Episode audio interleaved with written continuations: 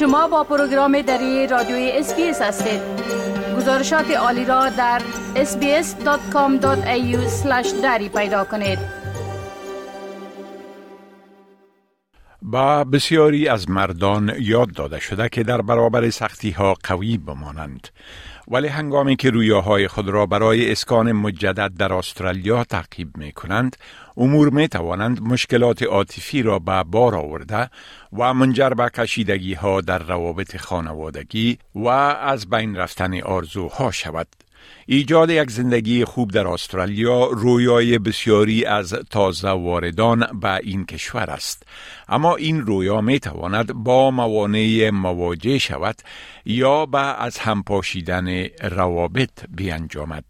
جسیکا هارکینز مدیر امور خشونت خانوادگی و جنسی نهاد Settlement Services International می گوید که این نهاد برنامه تحت عنوان ایجاد خانواده های قوی تر را با همکاری نهاد Relationships Australia نیو ساوت ویلز برای مردان بالای 18 سال که در روابط خود از خشونت یا رفتارهای توهین آمیز استفاده کرده اند ارائه می کند. او توضیح می دهد که برنامه های تغییر رفتار مردان از بیش از یک دهه به این سو در استرالیا اجرا می شوند. اما برنامه های متناسب با فرهنگ برای کمک به مردان به خاطر آشنا شدنشان با تغییرات در یک کشور جدید در دسترس هستند تا اطمینان حاصل شود که هیچ کس محروم نمی ماند. The reason that they're being adapted there has been a lot of recognition that programs that are targeted for English speaking, generally Anglo Australian culture often aren't able to capture or understand the needs of men from culturally and linguistically diverse backgrounds. They are having to turn some people away because they can't use interpreters.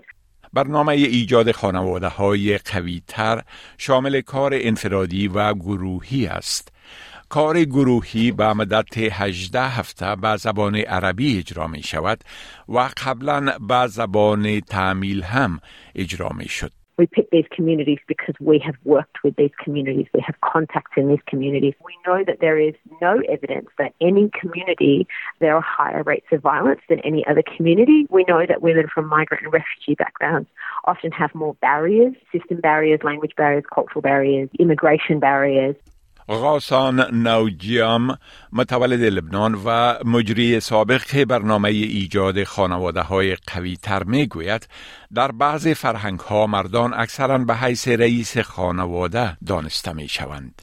چون این ترزیدید این توقع را به وجود می آورد که مرد خانواده ناناور خانه است و لذا باید به او گوش داد و از او پیروی کرد.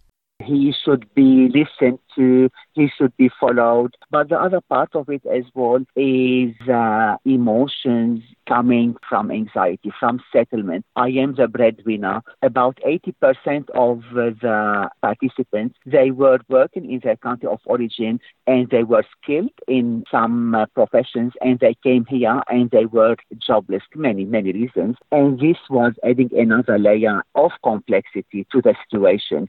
آقای نوجایم می‌گوید مردان اکثرا احساس می کنند که در دام ارزش های مغلق فرهنگی باورها، سنتها، انتظارات و تصورات مردانگی بند ماندهاند. اما احساس رویاهای برآورده نشدن نباید منجر به خشونت شود. If I cry, I am not a man. If I ask for help or if I am weak, I am not a man. So the perception of how they portray men a man is a human being, is full of emotions. If we do not monitor these emotions in a positive way, we are going to be in a different path. دکتر سامبو اندی یک مربی زندگی و رهبر تیم مشورتی نهاد ریلیشنشپ استرالیا در استرالیای جنوبی است. او می‌گوید که درک و رفع بعضی از موانع در راه زندگی خوب اولین گام برای ایجاد تغییرات مثبت است که می تواند در عین حال چالش آفرین و ناراحت کننده هم باشد. If the roles have been linked to people's identities, there's suddenly some sort of loss of identity in a new place. Also, understanding that the fact that the role is changing does not make you less valuable or less contributing. An acceptance of the fact that living in a different context actually necessitates that change. نهاد Relationships Australia در استرالیای جنوبی پروژه زندگی خوب را به منظور آگاهی دادن به مردان، زنان و جوانان افریقایی در ادلید در مورد خشونت خانوادگی اجرا می کند. دکتر اندی اعضای جامعه را تشویق می کند تا در وقتی که خود را با زندگی استرالیایی عیار می سازند درباره دیدگاه ها و تجربیات یکدیگر بیاموزند تا زندگی خوب و خانواده قوی را ایجاد کنند و بعضی اوقات تغییر در نقش های جنسیتی ممکن است به معنای ارتباط متفاوت با یکدیگر باشد. There is a common goal here, there is a common vision here, then people are eh, more open to actually start looking at, all right, so how can we address the issues that we are facing? We want our families to be happy, we want our children to go to school, we want to have a good job at home, and all of those things is still possible. اندرو کینگ مدیر تعلیم گروهی و اجتماعی در نهاد Relationships Australia یک نویسنده و متخصص رفاه مردان است او می‌گوید تغییر و تحول خود را با در نظر داشت میراثی که می خواهید برای فرزندان خود به جا بگذارید شروع کنید. How do you want your children to, when they turn 18, What would you like them to say about you? Thanks, Dad. I really appreciated that you. And what would be the end of their sentence? با گفته آقای کینگ مردان اکثرا بر اساس نحوه تصور خود از مردانگی در زمان پرورششان ابراز نامناسب احساسات را می آموزند. Men have learned really to hide those feelings. Sadly, as you grow older and in relationships, it is important to share your feelings. It's actually not a sign of weakness, it's actually a sign of courage It actually builds closer connection to other people. It's one of the really important things which men need to learn is to be able to let go of those old messages they received in childhood and to be able to share their feelings with people who matter. آقای کینگ می گوید احساسات و عواطف سرکوب شده بعضی اوقات می توانند مانند آتش فشان مشتعل و منجر به رفتار پرخاشگرانه شود. It's like a Coke bottle which you actually shake. And one of the things which often we think we learn in life, it's not actually true, is that others actually make us blow and we flip our lids and we explode.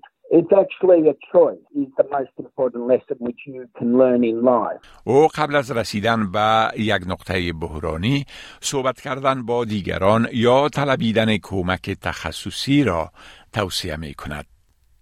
اندرو کینگ همچنان توضیح می دهد که مفاهمه موثر شامل آرام شدن برای گوش دادن و احترام به نظرات طرف مقابل در حال است که افکار و احساسات خودتان را هم تایید می کنید. دکتر اندی می گوید در حالی که خشونت خانوادگی اکثرا به حیث یک چیز حرام و تابو تلقی می شود تغییرات نیرومند تنها زمان رخ می دهند که مردم آشکارا در یک محیط مسئون و پرحمایت درباره آنها صحبت کنند.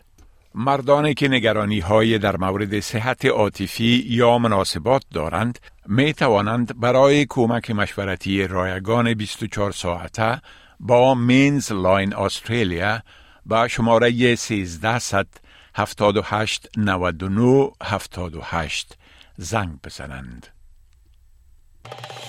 بپسندید، شریک سازید و نظر دهید. SBS دری را در فیسبوک تعقیب کنید.